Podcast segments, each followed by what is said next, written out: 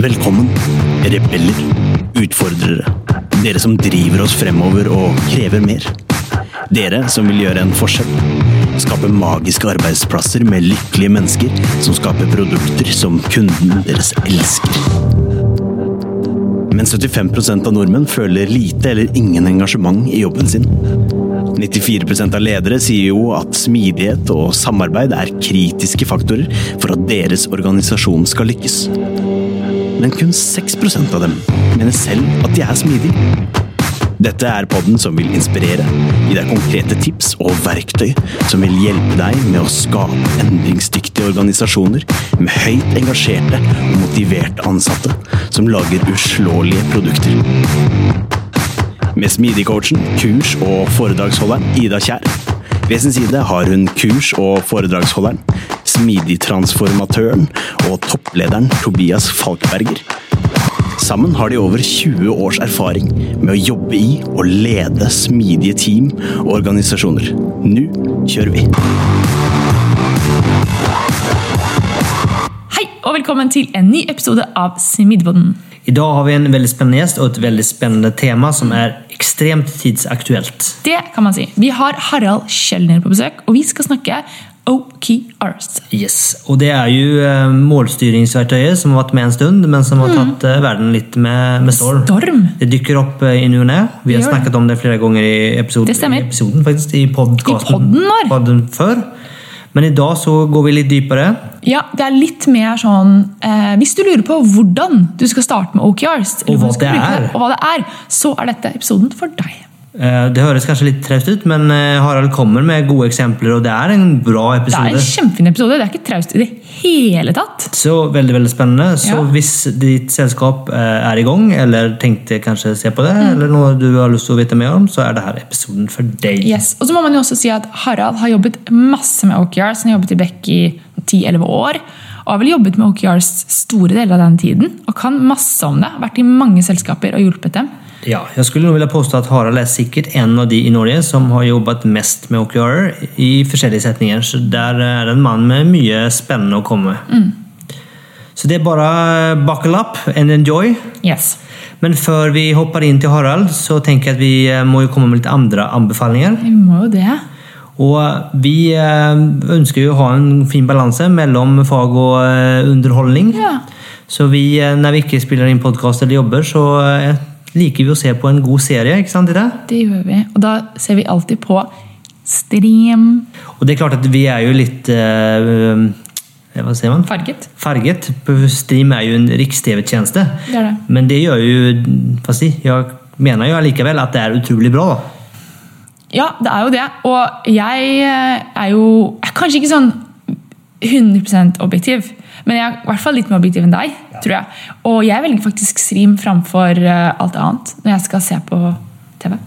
For det som er så bra med Stream, er at det er en samlingspunkt. Så det har veldig, veldig, veldig mye innom Ekstremt mye serier, filmer Og det vet kanskje ikke alle, men Netflix har en cirka altså, um, assets, uh, som vi sier på, på godt fagspråk, men altså serieepisoder og filmer. Cirka 2500 cirka, til vår tid. Stream har over 100 000. ja, Så du finner noe du liker, da, med andre ord. Både for små og store. Ja, og der har vi jo et veldig, veldig fin serie som vi har sett på. Ja. His Dark Materials. For det er et sånt familieeventyr. Ja, Som vi har sett på. og Vi, Er jo, vi er jo en familie, men vi har jo ikke barn. Nei, men vi syns det er veldig spennende. Det er kjempespennende, og det tror jeg passer for barn også. Ja, jeg tror det er en sånn kjempefin serie som man kan se sammen. Ja, så Hvis man er på hytta, for eksempel, nå når det kommer masse sånn helligdager, langhelger, alt det her, så tenker jeg at det kan være en superfin serie. Og det som er så veldig fint med Stream, er at hvis man ikke tror på oss, eh, eller kanskje vil se for seg selv, så kan man signe opp eh, gratis og prøve i 30 dager. Der kan man det! Ja, Oi! Så da kan man jo teste selv da, og se om det er noe man liker. Så hvis du bruker linken som er i beskrivelsen, så får du signe opp og gratis, og du får prøve i 30 dager.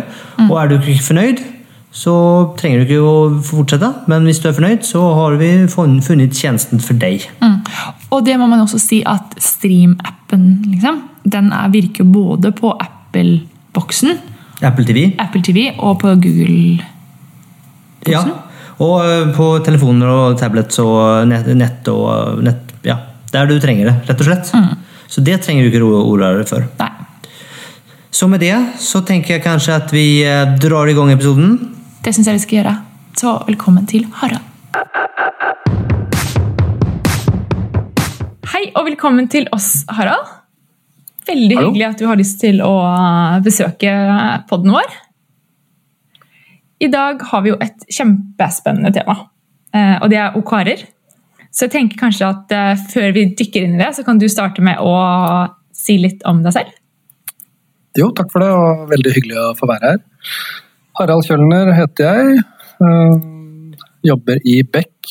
Kommer opprinnelig fra Tønsberg og har hatt et lite studieopphold i Trondheim før jeg begynte i Beck da i 2009, så jeg har vært der ganske lenge. Og siste tre årene ish, så har jeg jobba med innføring av OKR i store og mindre organisasjoner. Både som hele organisasjonen og i, i produktteam, da. Spennende. Har du lyst til å eh, Jeg tenker vi kan starte med litt sånn enkelt spørsmål. Og det er hva er OKR-er? Er det et enkelt spørsmål? Ja, kanskje ikke det er det? Jo, det er et ganske enkelt spørsmål. For det første så er det ikke så veldig nytt. Altså OKR, som står for Objectives and Key Results, det, det, er, ikke noe, det er et gammelt målstyringsverktøy som starta allerede på 70-tallet i Intel. Og så ble det derfra tatt med videre til eh, Google eh, og vært en del av grunnlaget for Google sin suksess. Og så var det på 2010-tallet så har det blitt eh, mer og mer populært og skrevet mye bøker og artikler om det, og etter hvert da bredd seg ut i, i resten av Silicon Valley. Og objectives og key results, altså, eller eh, ambisjoner og KPI-er, er jo ikke noe nytt. Det florerer jo med målstyringssystemer. Men eh, det som skiller OKR fra andre, er at det er tilpassa smidig, eh, smidig utvikling eh, og smidige organisasjoner, eh, med en del av prinsippene bak. Da. Både hvordan det lages, men spesielt hvordan det brukes.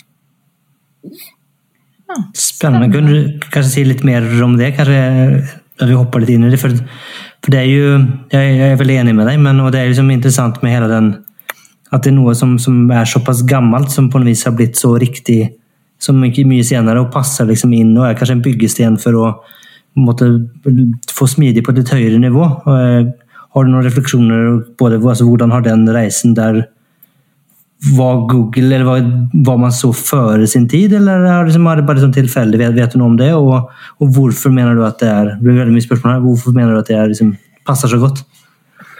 Ja, hvordan det har blitt det det er, øh, vet jeg ikke. Og, og jeg gjetter jo egentlig at historien har blitt skrevet litt i etterkant, men, øh, men det, det, er, todelt. Som sagt, innholdet er ikke revolusjonerende. At du skal sette noen kvalitative ambisjoner som forteller retningen din, og så skal du ha noen målbare key results som forteller at du er på vei i den retningen, det har man drevet med i, i si, alle år. Men måten man lager OKR på, det skiller seg veldig fra, fra gammeldags ledelse og måten man bruker det på. Så Måten man lager det på, handler om at du starter jo et eller annet sted uansett, typisk i ledelsen. Men i motsetning til å fordele fra ledelsen til teamene, så, så ber man egentlig teamene selv om å fortelle hva de ønsker å ta ansvar for. Eh, Så det er i, i teorien i hvert fall opp til teamene å si jeg vil bidra til det objektivet og det objektivet og det, på den og den måten. Så håper man da at alle teamene eh, i sum tar ansvar for alle tingene som er viktige for selskapet. På den måten så sikrer du eierskap eh, blant, for de, i de autonome teamene som, eh, som du ønsker. Og det er ganske bevist at eh, når du får lov å være med å velge selv, så tar du et større eierskap og, og et større ansvar for å, å nå de målene du vil. Og så har du selvfølgelig mekanismer, det kan vi sikkert komme litt tilbake til, for å sørge for at, du, at selskapet ditt har tatt tak i alle de tingene man bør ta tak i. Da.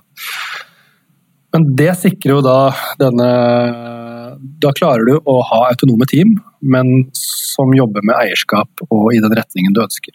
Så det er på hvordan du lager det, og så er det hvordan du bruker det, som skiller seg veldig, veldig fra klassisk målstyring og strategiprosesser. For I gamle dager så lagde man i store organisasjoner i hvert fall, en strategi som man reviderte eh, en gang i året, eller til og med hvert tredje år typisk, så gjør du den store strategirevideringen som setter stake kursen for, eh, for selskapet videre. Mens OKR er designa for at du skal gjøre hyppigere revideringer av uh, målene dine, typisk kvartalsvis. Uh, og da vil du bli tvunget til å ta stilling til gjør vi de riktige tingene, eller skal vi endre kurs. Og det gjør at det er innmari godt tilpassa, eller et godt verktøy, for smidig eh, utvikling og smidige organisasjoner. At du evner å snu det tankskipet ditt litt hyppigere enn å vente på den årlige strategiprosessen. Og der kan det også by design boble opp grasrotinitiativ, bottom up-initiativ, eh, som er med å forme retningen til selskapet. Mm. Men med, sier du nå at um, OKR-er er supplerende til en strategi, eller, det, eller kan det på en måte erstatte en strategi? Det er et bra spørsmål. Og jeg, eh, jeg, jeg mener egentlig De råeste organisasjonene de bruker OKR som strategiverktøyet sitt. Eh, og så gjør det jo typisk en, en gang iblant så gjør det en litt du røsker litt mer tak i alt. da. Du, du luker bedre ordentlig, på en måte. Og det er kanskje årlig, da. At du setter, eh, setter neste års OKR-er. Og så reviderer du fire ganger i året mellom slaga der. Mm. Men da Og strategien din burde jo fortelle retningen selskapet skal gå. Du, du, du trenger jo ikke en strategi for å si at det driftsenheten din skal dure og gå og bare fortsette i det uendelige. Det strategien din skal fortelle er når du skal endre kurs eller uh, strekke strikken lenger. Og da er OKR perfekte for å måle den endringen og omdanningen av selskapet ditt. Så svaret er ja på det, syns jeg. Mm. Mm. For vi, har jo, vi leker jo oss med Eller leker oss eller kanskje litt. Vi, vi jobber ganske hardt egentlig for å få det til i Riks-TV. Um, og um, og der er jo, vi har jo gjort det litt sånn at vi har sett på, på OKR på et lengre perspektiv som et strategielement eller en måte å kommunisere strategi på, egentlig. Uh, og så har vi jo jobbet med OKR på litt kortere horisont etter det, som måtte bygge opp mot den eh, strategien, om du vil. da. Ja, et godt eksempel. Spennende. Det er veldig interessant, for jeg har ikke, aldri sett på OKR-er på den måten. Og det er sikkert mange av lytterne våre også som kanskje ikke nødvendigvis har gjort det. Så det er kjempeinteressant, og som man kan utforske som selskap. Og, ja. ja, jeg mener egentlig eh, godt formulerte strategiske satsingsområder kan jo bare bli objektivene dine.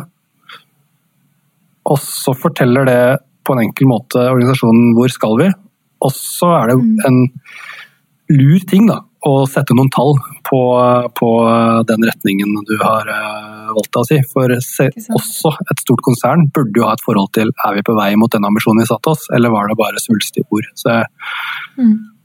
jeg, ser jo egentlig hvorfor ikke du skal gjøre det, da. Og der er vel kanskje, og Det syns jeg er fint med OKR, for det hjelper det litt kanskje å være litt strukturert. da. Eh, for det kan jeg kanskje oppleve at man kanskje just i den talldimensjonen kan fort falle litt bort. Eh, og da blir det kanskje også vanskeligere å vite om man når det, og vanskeligere å følge det opp, for at det blir litt for fluffy. Um, ja. Så der syns jeg at OKR kan være liksom et fint verktøy for å liksom jobbe litt mer strukturert rundt det. da. Unnskyld at jeg forstyrrer deg midt i denne superspennende episoden, men jeg må bare fortelle deg noe. Forresten, det er meg, Arvid, fra introen. Er du en som ønsker å utfordre, drive oss fremover og kreve mer? Gjøre en forskjell og skape magiske arbeidsplasser? Men du bare vet ikke helt hvordan. Da har jeg noe som kan hjelpe deg. Tobias og Ida har laget et kurs. Kurset gir deg forståelsen og den smidige tilnærmingen du trenger for å tenke nytt om de organisatoriske byggeklossene strategi, mennesker, prosess, struktur og teknologi. Lenke til kurset finner du i episodebeskrivelsen. Ja, faktisk, og det, og det, minner meg om en annen ting som er veldig bra og annerledes med OKR. Men det er gitt at du er tro mot key results, og du, du, du, nedfeller noen key results som du faktisk følger opp, så vil det hjelpe deg å prioritere og fokusere. Da. Det er også en av de gevinstene ved OKR. Egentlig ikke, i hvert fall ikke rocket science, det, men jeg tror jeg mener i hvert fall at hele nøkkelen i OKR ligger i key results, og være pokka tro mot dem. Og da eh, Alle organisasjoner opplever at de prioriterer for mye. Det vet jeg Tobias eh, også har opplevd. Eh, men jeg er ikke så redd for det lenger. At du, du, prioriterer for mange ting inn i starten av året eller starten av perioden din. Fordi du vil bli tvunget til å ta stilling til det når du skal revidere dem etterpå. Etter et kvartal så, så gjør du opp status. Hvordan gikk det med de key resultsa og objectives analysis oss? Og da vil du oppleve, har du satt for mange, at eh, en tredjedel, kanskje halvparten av dem, de har ikke flytta seg noen vei. Og da kan du enten lukke øynene og bare naivt tro at det blir bedre i neste periode, eller så kan du tvinge deg til å ta diskusjonen gjør vi for mye, gjør vi de riktige tingene, eller skal vi prioritere om på aktivitetene våre da.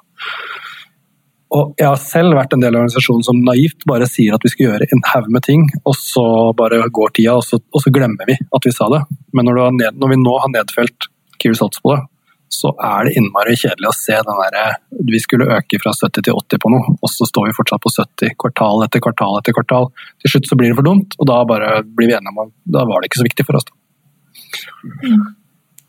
Og der, Du sier det litt eh, mot indirekte, men jeg tenker det er også en fin eh, ting, eller liksom en veldig viktig ting med, med OKR, er at du skifter fokus bort fra eh, hva skal jeg kalle det, initiativ eller prosjekter eller features eller hva du nå måtte kalle det for. Og har mye, du har egentlig fokus på, på outcome, da, eller på effekt. Eh, og det gjør jo noe med mindsettet òg, for jeg opplever at man er de fleste organisasjoner de fleste mennesker er kanskje mer opptatt nesten, kanskje nesten til og med på input, altså hvor mange timer har du logga, og kanskje litt mer hva, hvor mange features har du fått ut det er veldig få organisasjoner som faktisk har fokus på det som vi skal oppnå. Og da blir jo det andre egentlig ganske irrelevant, for det er jo effekten vi, eller kundeverdien eller forretningsverdien som vi ønsker å skape, er jo det du ønsker å ha fokus på. Og Det tenker jeg også at OKR hjelper oss å skifte fokus til det, så vi får en bedre diskusjoner. da. Helt enig, og det var det jeg sa i stad, at uh, nøkkelen i OKR er key results, å være tro mot dem og tørre som leder da, spesielt, å løfte deg fra initiatives opp til key results. Det er en vond reise. Veldig mange ledere er vant til eh, å foreslå og beslutte, ikke minst, tiltak, investeringer i konkrete ting. Superlett å forholde seg til. Vi skal bruke ti millioner på dette. Og så har vi gode hypoteser på verdien det skal gi. Da. Og så er det veldig lett å måle at du ikke brukte mer enn de ti millionene, og det er suksess. Mens med OKR så ønsker du å vri fokus til at suksess er når du realiserer de verdiene. Du ønsker å vise til realisering av de verdiene mm. fortest mulig. Det er jo veldig i tråd med smidig utvikling, lean startup osv. Og, og um, jo fortere du klarer å bevise at du er på track, jo, rikt, jo bedre følelse burde du få som team og som leder. Og jo fortere du klarer å bevise at du ikke er på track, jo lurere er det å da skalere ned og heller bruke de ressursene på noe annet. Da. Og det er lette ting i verden å finne på et tiltak. Det høres innmari lett ut å lage et godt key result og et godt objective, men uh, som dere sikkert har vært borti, og som alle andre som har prøvd på så er det ikke så lett når du faktisk sitter her da, og skal velge det ene eller det andre og formulere osv.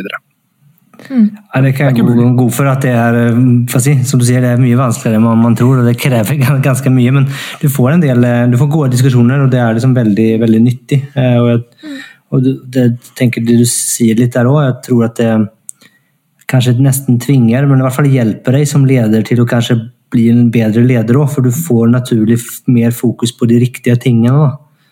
Uh, vi har snakket tidligere på den, og vi har hatt en episode om tight, loose, tight, og da tenker jeg at uh, eh, OKR passer veldig, veldig, fint inn i det, for du er veldig tydelig på, på hvor du skal, og så er du veldig sier ikke så mye om hvordan du skal komme dit, for det får teamet selv finne ut av. Og så er det veldig tydelig igjen på hvordan du skal måle den effekten.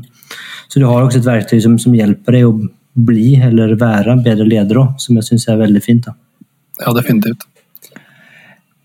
Men hvis man sitter og lytter på poden nå, og så tenker man at man enten har lyst til å starte med OKR-er, eller man har lyst til å bli bedre på det. Hva ja. tenker du liksom, hvordan, Hvis man skal starte da, å formulere og jobbe med å jobbe fram noen gode eh, Jeg likte veldig godt ambisjoner og key results. da. Eh, mm. Hvordan skal man begynne? Det er, eh, det er det er egentlig veldig lett, og så er det vanskelig når du, når du sitter der og skal produsere selv. Da. Så det er lurt å, hvis det er et team eller hvem, hvem det skal være, det er lurt å ha noen som, som er ansvarlig for å fasilitere det. Da. Det er lettere å være objektiv, eh, sånn som jeg har fordelen av å være som konsulent. Da. Eh, men, mm. men hvis dere i deres team skal lage noe, så vil jeg i hvert fall utpekt en som er Nå er rollen min, det er å fasilitere. Og så eh, er det egentlig ikke verre enn å brainstorme hva er det som er viktig for oss. Eh, og hva er det som er viktig for, eh, eller, for organisasjonen vår, da. Det er, det, det er egentlig det spørsmålet du skal stille deg. Så hva er ambisjonen din?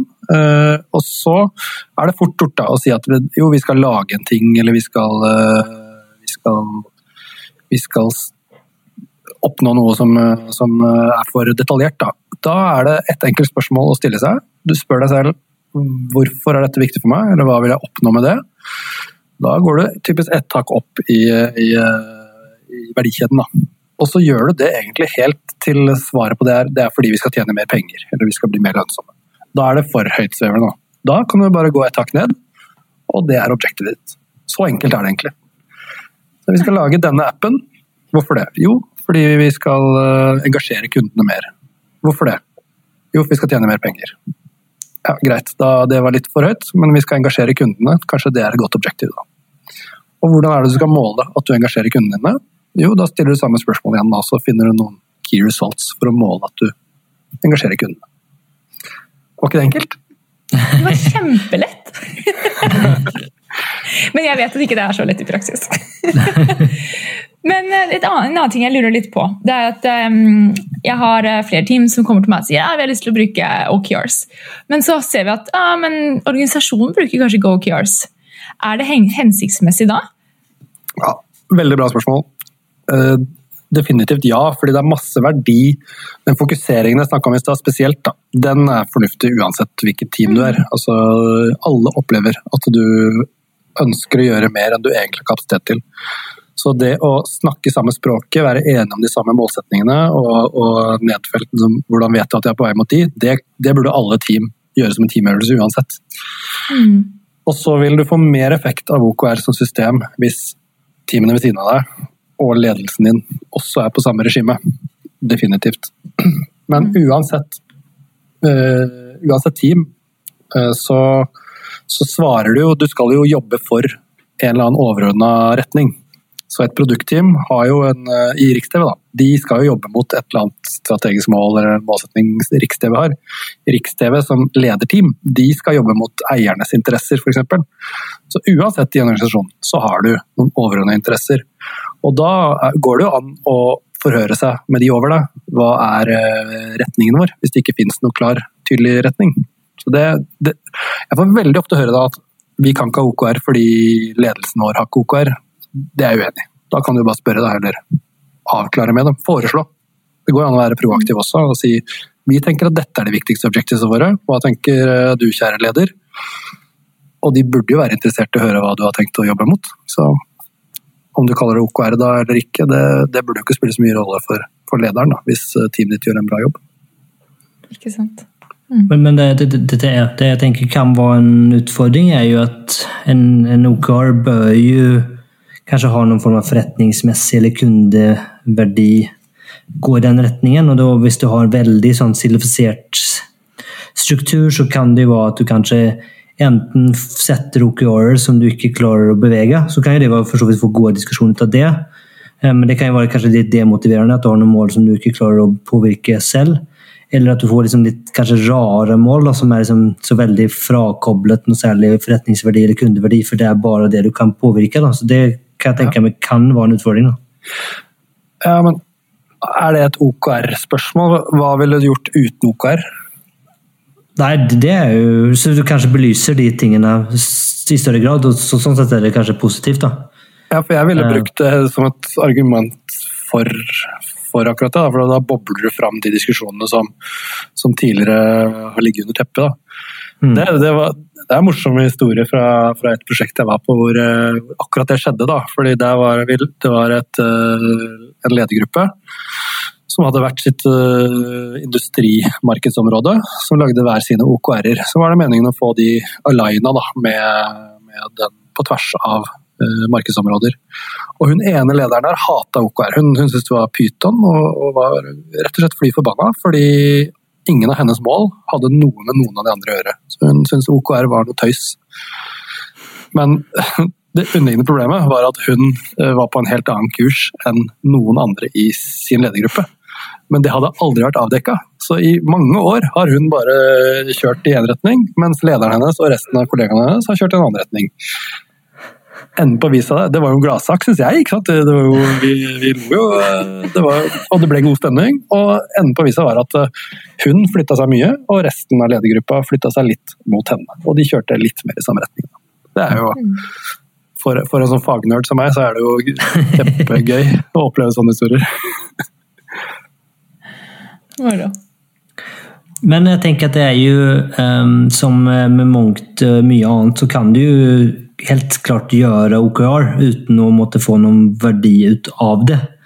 Jeg tenker at det er kanskje også bevisst på at det er så um, Det er jo en hel del ledelse, det er en hel del kultur. Um, det er kanskje til og med noen form, kanskje noen organisering. Det er ganske mye ting som Det er ikke noe magi i OKR nødvendigvis i seg selv, men som vi har vært inne på, litt så, så kanskje den åpner opp og synliggjør en del problemer så at de blir tatt tak i. Men det er kanskje viktig å si at det er ikke noen magic, eh, magic bullet eller eh, silver bullet her som, som måtte eh, løser alt. da. Definitivt. Og i bunnen så må du ha en tro på at målstyrt ledelse har noe for seg. da. At det å sette seg mål og jobbe mot å nå de målene, og, og som team, at det er bedre enn å ikke gjøre det.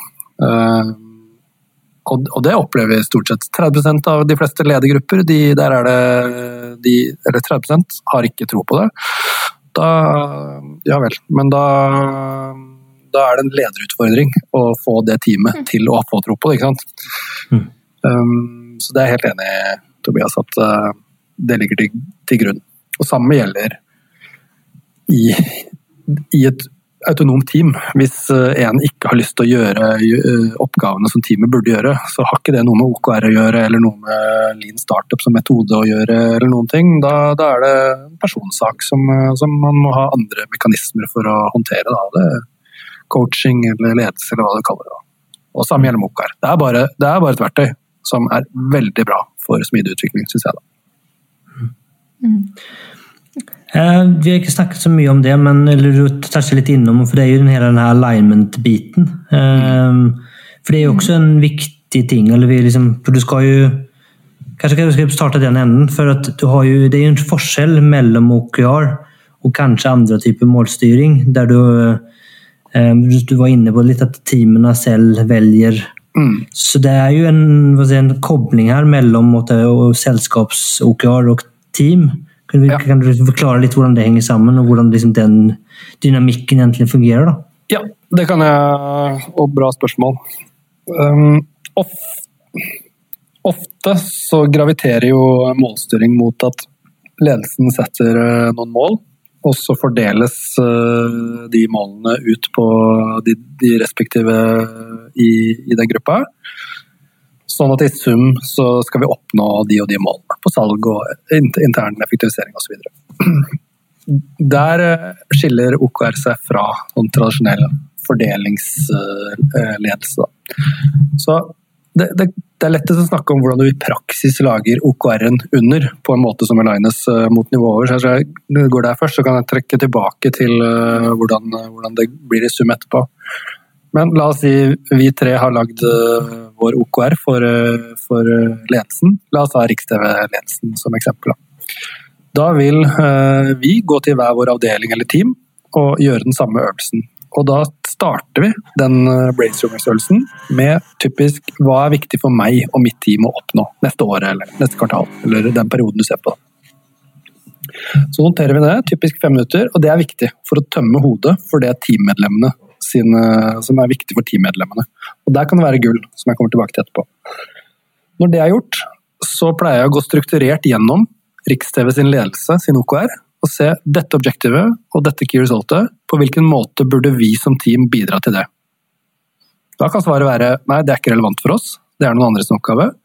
Eller det kan være det salget der som skal økes med 20 eh, på Riks-TV-nivå, der kan vi bidra med 5% av det. Eller eh, vår måte å forbedre kundeopplevelsen på, det er å forbedre stabilitet på, på streamingtjenesten. Det tror vi at eh, hvis den øker med 10% så vil kundetilfredsheten øke med 2 Fair, det er våre hypoteser på det. Og så går de gjennom hele OKR-en over her. Det er viktig. Du må, du må, ta, du må ta, stilling til hva, hva er det vi skal bidra til. Og da vil jeg si sånn røftlig 70% burde være relevant for deg. Så har du en eller annen måte å bidra til 70% av de i, i Riks-TV sin OKR på. Og så ser du etterpå ok, alt det vi skrev ned i stad som var viktig for oss, har vi dekka det nå? Eller er det noe her sånn som, er, eh, som vi også må ha i tillegg? Og da ender du typisk opp, og det, det er sett sånn roughly, da. Så vil du ha 70% av tingene du driver med, de er alina og helt rød tråd til, til den OKR-en over det. 30% er noe som er unikt og, og for ditt team. Og, så, øh, og sånn vil jeg egentlig fortsette nedover. Da. Så at du spør neste team spør seg hvordan er det vi skal bidra til øh, teamet over oss. Og sånn sikrer du rød tråd hele veien ned. Og så blir det spennende sant? når vi tre møtes igjen i Riks-TV-ledelsen. Da vil vi uh, se på den opprinnelige OKR-en. Har alle baller blitt plukka opp der, eller er det noen løse tråder? Så, oi, ingen tok ansvar for salg. Det var jo dumt. Eh, vi sliter hvis vi ikke vil jobbe med det. Da er det en ledelsessak å få teamene til å stokke beina, og at noen tar tak i den ballen. Hvis du da sier Tobias, det er ditt ansvar, eh, teamet ditt burde ha tatt den, og jeg syns faktisk eh, det må du klare å motivere teamet ditt til. På den måten så får du liksom, uten å ha styrt fra start, hvert fall. så får du en mulighet til at teamet selv med egen motivasjon tar ansvar for det, eventuelt etterpå da, så får du nudga teamet til å likevel ta den ballen. Mm. Jeg gjetter jo at 80 eh, av tingene som var viktige for Riks-TV, det ble tatt tak i. 20 må man ta stilling til ingen var motivert for det. Kanskje det er riktig å droppe det denne perioden. Eller så må vi liksom si ok, Tobias, den tar dere. Men det enda gøyere er at teamet til Tobias fant på noe annet smart som ikke Riks-TV-ledelsen hadde tenkt på. Og der får du bottom up-initiativ satt i system. ikke sant? Det er ikke sånn at ledelsen er allmektig og er genier og, og, kan alt. Det kan være smarte ting som kommer unnafra. Og når dette er satt i system over tid, så vil jo disse initiativene komme helt fra bunn, fra de som snakker med kundene. Boble opp ett nivå, og så ett nivå, og så ett nivå. Og til slutt så har de på kundeservice eller uh, utvikleren i et team som har en, lært en ny teknologi, vært med å forme uh, hva selskapet driver med mye raskere enn fordi du, Tobias, som leder var på en Gartner-konferanse i Barcelona og kom tilbake og hadde hørt, uh, hørt IBM snakke om noe. Akkurat nå så hørtes det ikke så dumt ut å kunne dra på en liten konferanse til Barcelona, men uh, og det, er det, kan, det, det, er ganske enkelt strukturert, altså. Og, og mm. det, er, det er måten du sikrer den røde tråden, det er måten du sikrer eierskap. Fordi for de fleste av teamene de tar ansvaret sitt. De skjønner at dette er vårt ansvar. Det er vi som skal sørge for at salget går bra, det er vi som skal effektivisere. Og da går det fint, og lederne kan bare sette seg tilbake og glede seg til det blir realisert gevinst med indre motivasjon. Så er det noen få tilfeller at du likevel må nudge teamet til å ta tak i den ballen de skulle gjøre. Mm.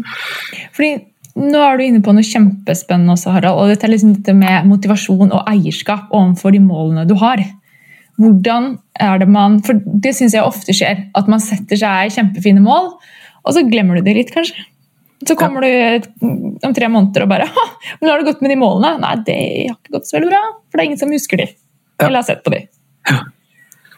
Nei, jeg har vært med på det, jeg. Eh, vi, eh, vi, vi satte oss et uh, mål som ledelse i min egen avdeling i fjor sommer. Covid, vi sleit og måtte jobbe med markedsarbeidet vårt. Det satte oss noen key results da, på, på, hva vi skulle generere, altså bli, bli kjent med nye osv. Og det var alle enige om, og det var et, et, team under som hadde ansvar for å ta ut det. da. Og I det teamet ble det jobba kjempemye og kjempebra.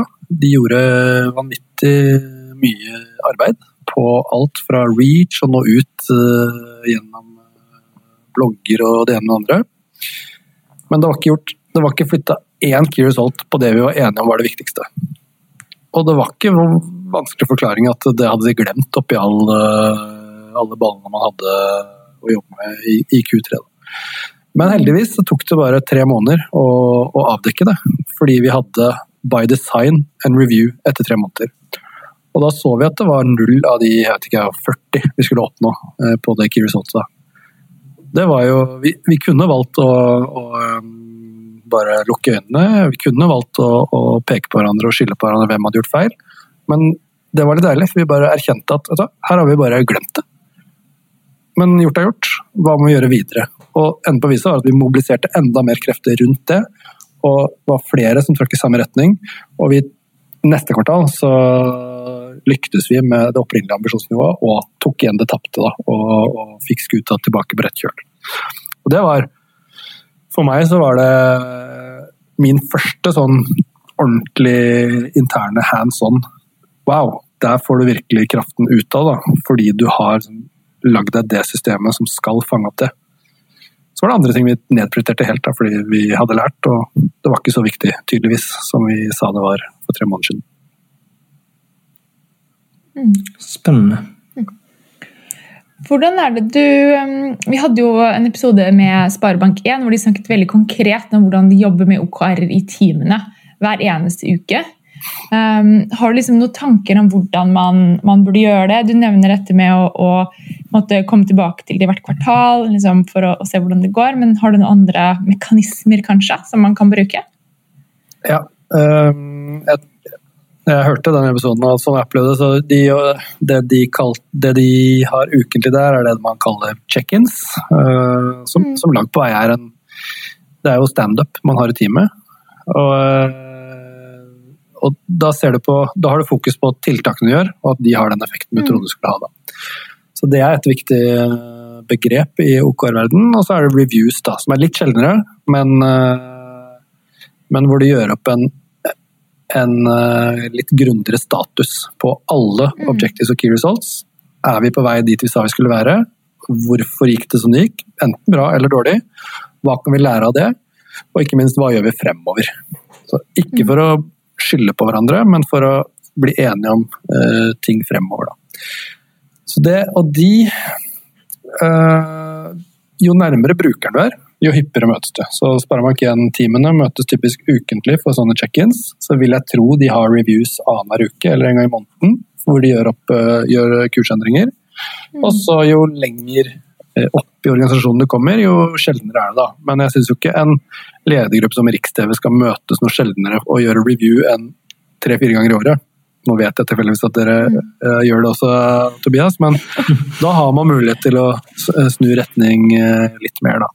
Og typisk en avdeling da burde kanskje ha sånne reviews en gang i måneden, sånn at de Jo nærmere brukeren, jo hyppigere må du egentlig snu. da. Selv har vi et uh, team internt hvor vi har sånne ukentlige check-ins. Så har vi månedlig hvor vi ser om vi gjør de riktige tingene. Og kvartalsvis har vi en, en grundig review på hele liksom, avdelingen og, og minutter.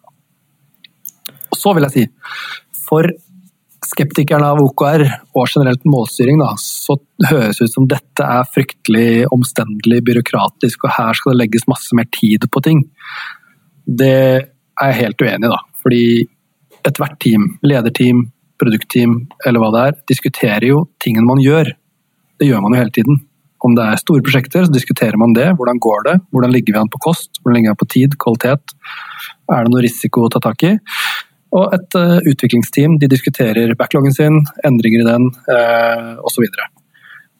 OKR handler bare om å ta de samme diskusjonene, men sette det i en struktur hvor du hver gang du snakker om tiltakene dine, initiativene dine, så ser du flytta de de key resultene vi sa vi skulle gjøre, eller ikke. Hvis de ikke gjør det, så må du ta stilling til gjør vi da de riktige tingene, eller skal vi gjøre noe annet isteden, som gir enda mer verdi. Og det tar ikke så innmari mye lengre tid. Jeg tror ikke det tar noe lengre tid, egentlig. Det er bare en annen struktur, da. Istedenfor å snakke om det store, viktige prosjektet, så snakker du om det samme prosjektet, men samtidig snakker du om key results du har sagt det skulle bidra til. Mm. Og Da får du igjen fokuset på, på effekten og verdiskapingen, og kanskje mindre på statusen, som blir jeg tenker Det er en mye mer riktig diskusjon, da. og ja. ofte sikkert veldig mye mer positiv. Ja. Så er det et annet viktig element eh, med OKR da, at det er en det er en teamøvelse. Og, og, med team i OKR så er alle ledergrupper er et team, og alle utviklingsteam og avdelinger uh, er på en måte team. Da. Um, det vanlige i gamle dager er at uh, ledelsen vedtar et prosjekt, investerer x antall titalls millioner i å utvikle noe. Så er det en prosjektleder som kommer til en styringsgruppe en gang i måneden og avrapporterer hvor mye penger har brukt, hvor lang tid har det gått, hvor langt er vi bak skjema. Typisk, typisk er det sakene man går gjennom. Da. I OKR så, så, kan det godt være en prosjektleder fortsatt, men den som skal redegjøre for status på Key Results, det er en som sitter i ledergruppa. Så Det kunne vært Tobias, som eier det prosjektet, som skal redegjøre for at nå har vi realisert de og de verdiene uh, dette, gjennom det uh, gode initiativet. Så kan gjerne prosjektlederen være med for å, stille, for å, for å, for å gi ekstra tyngde, men det er veldig viktig at uh, det, det, teamet som eier et prosjekt, er representert ved de som, som, som og har et forhold til disse resultatene. Hvis ikke så mister du det eierskapet jeg snakka om i stad, mm. og den røde tråden vi, vi hadde. Mm. Det er også en liten veldig mindshift-endring i, i, ledelse. Ja.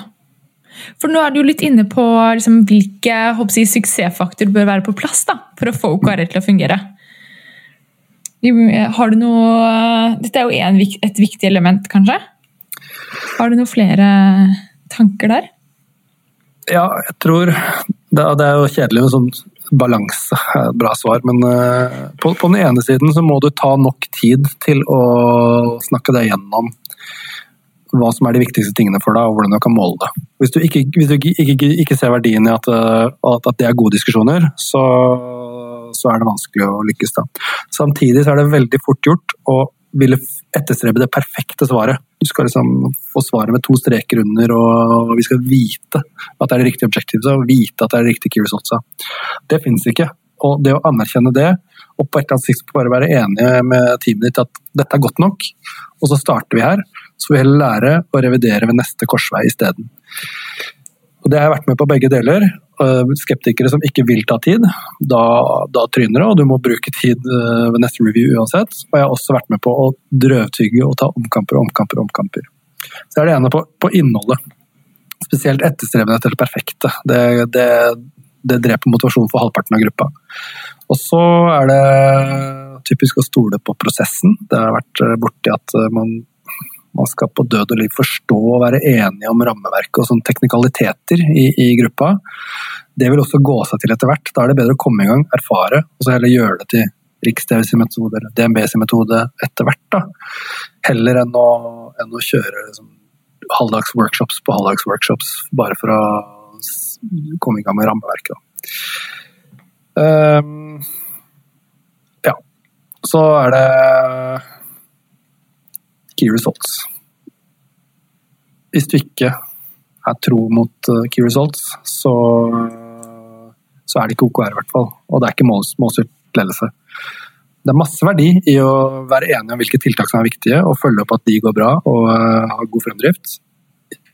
Det er mye bedre enn ingenting, men skal du være god på målstyrt ledelse, så må du uh, ha et forhold til hva du ønsker å oppnå up front, og så validere at du er på vei dit. da.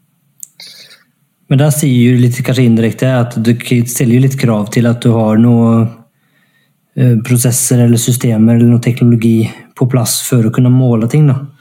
Så har du ikke det, og liksom at du ikke har, er ikke innsiktsdrevet eller datadrevet, på noe vis, så kan det være veldig vanskelig. For det er jo ikke alle organisasjoner som kanskje har. da.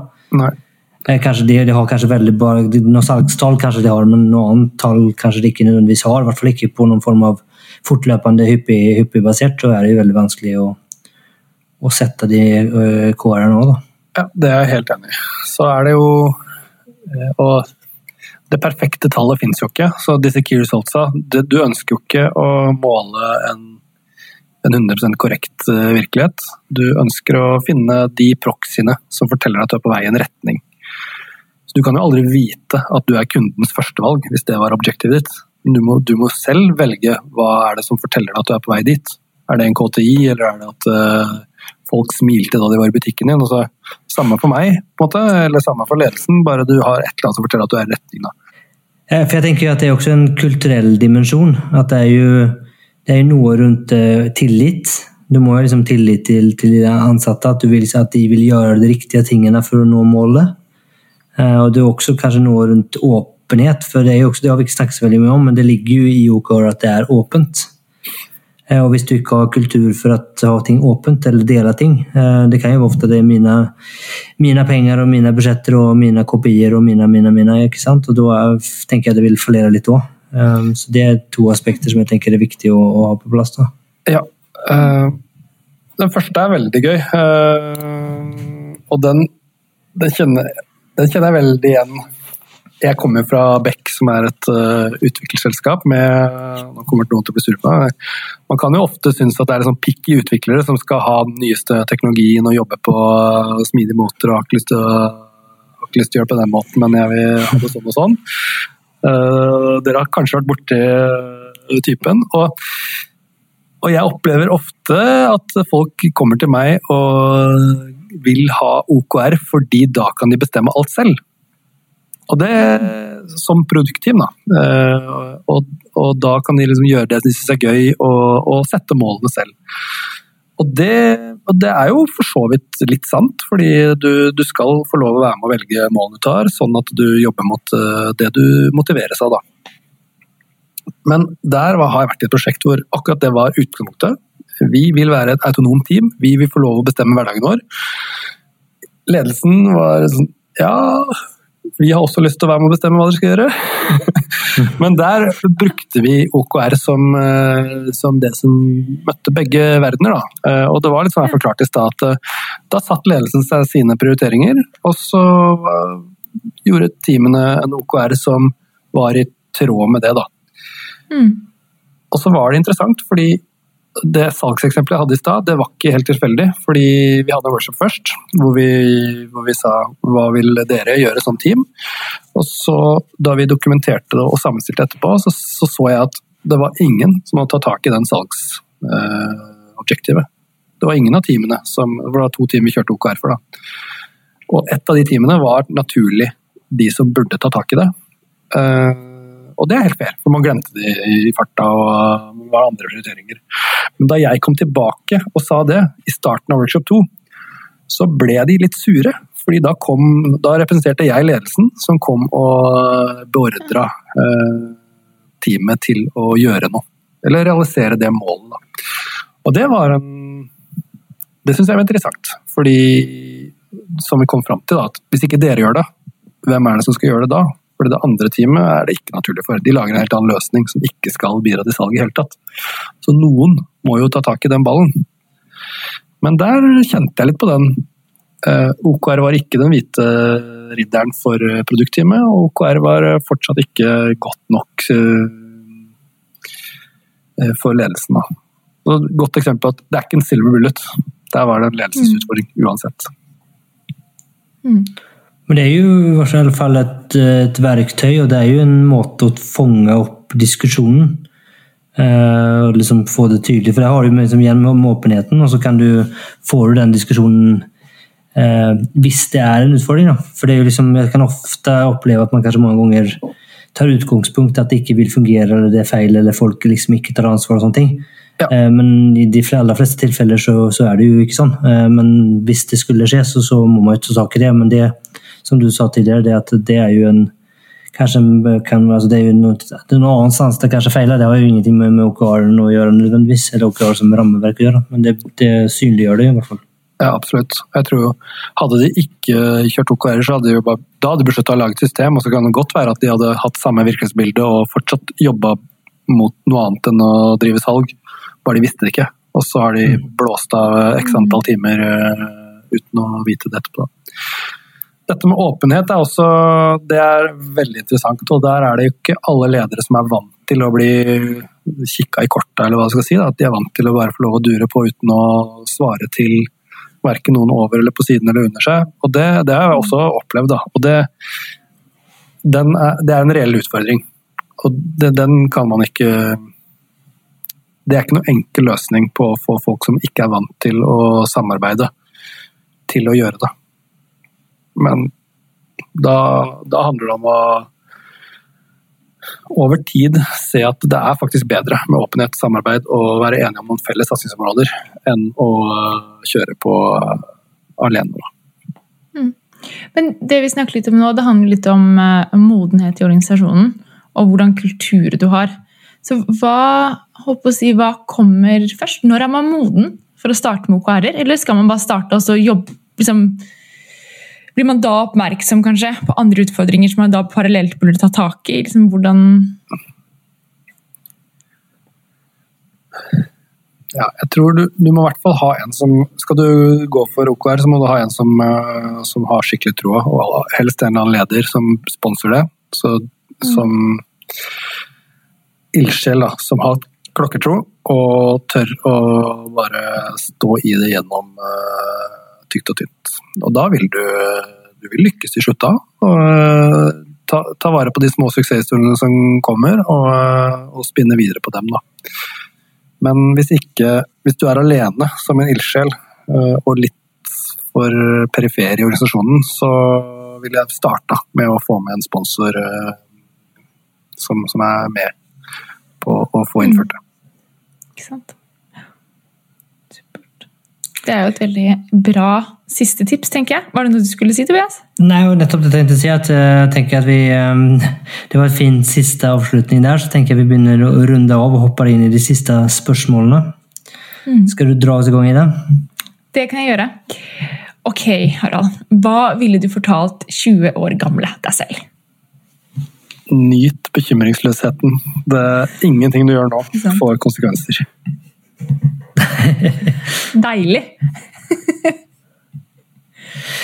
Good. Um, hva mener du kjennetegner en god leder? Er flink til å Nei, setter medarbeiderne sine i stand til å hjelpe seg selv og er tilgjengelig for eh, sparring eh, når det trengs. Bra svar. Det var fint. Bra svar. Bra konkurrent. Hva vil du gi som tips da, til de som ønsker å etablere en litt mer smidig eh, kultur? Bare begynn, og erkjenn at det er bedre å ha noe gjort enn at det er perfekt. Supert. Eh, noen bøker, podkast eh, du ønsker å anbefale? På tema, eller andre tema, for så vidt? Jeg eh, bruker podkast til å holde meg oppdatert på, på, politikk, så den jeg hører mest på, fastest på, er Aftenpodden. Good. Så bra. Har du noen bøker da, som du har lyst til å anbefale, eller er det mest pod det går i? Jeg, jeg er også historienerd, så for de som er glad i historie, så kan jeg anbefale Dan Carlins Hardcore History. Da, og min yndlingsepisode, min yndlingsepisode er den 24 timer lange om første verdenskrig. Da det, det er for ordentlig, ordentlig gigs. Eller så er det jo uh, aktuelt med han som har skrevet uh, 'Sapiens', har jo nettopp kommet med en, uh, et essay i New York Times. Er, den kan jeg anbefale for de som ikke har lest 'Sapiens', og, pløye gjennom den. Den. Den er bra. Nå vet jeg i hvert fall om noe jeg skal høre på. De fleste lytterne vet kanskje ikke det, men jeg er også skikkelig historienerd. Ikke hørt? Jeg har begynt å studere eldre historie før jeg begynte på Handelshøyskolen i København. Så jeg er noen superhistorienerd, så nå vet jeg definitivt hva jeg skal høre på i kveld. Ja, da har du mye morsomt foran deg. Åh, så deilig. Jeg, jeg, jeg, leser jo nå en bok, eller lytter til en bok om uh, kvinnelige spioner under andre verdenskrig. Ja. Greit uh, spisst tema. Veldig spennende. Uh, yes, og så er det siste spørsmålet. og det er jo Hvordan kommer man i kontakt med deg? hvis man har lyst til det? Ja, da kan du sende meg en eh, e-post på harald.kjolner at beck.no. Eller søke meg på LinkedIn Harald Kjølner. Strålende. Strålende. Og så finnes det jo noen, um, noen gode artikler da. Er det på, på Beck sin blogg, er det ikke det? Eh, som du har vært med og i hvert fall skrevet på temaet. Så det, det vet jeg det er, det er en uh, fin, uh, fin uh, sammenfatning, kan vi kalle det intro. Ja. Så vi kan lenke til det òg. Gjør gjerne det, så mm. Flott. Strålende. Yes, Da er det vel bare å takke for besøket. Det var kjempespennende. Det har vært veldig hyggelig, så takk for meg. Yes. yes. Ha det bra, da. Ha det. Ha det. Tusen takk for at du lyttet på denne episoden av Smidepoden. Dersom du likte det du hørte, så abonner på Smidepoden, da vel. Da får du masse mer av denne type innhold i fremtiden. Dersom du har lyst til å støtte Smidepoden fremover, så gå gjerne inn på linken under og eh, ta kurset vårt. Du kan også så klart bruke noen av linkene under til bøkene som gjestene våre anbefaler. Det er affiliate links, og det betyr at Smidepodden får ei lita krone når du kjøper en bok, men du betaler så klart ikke en krone mer når du handler. Så med det så ønsker jeg deg en fortsatt fantastisk dag eller kveld, hvor enn det er du befinner deg i denne store, vide, vakre verden. Ha det bra!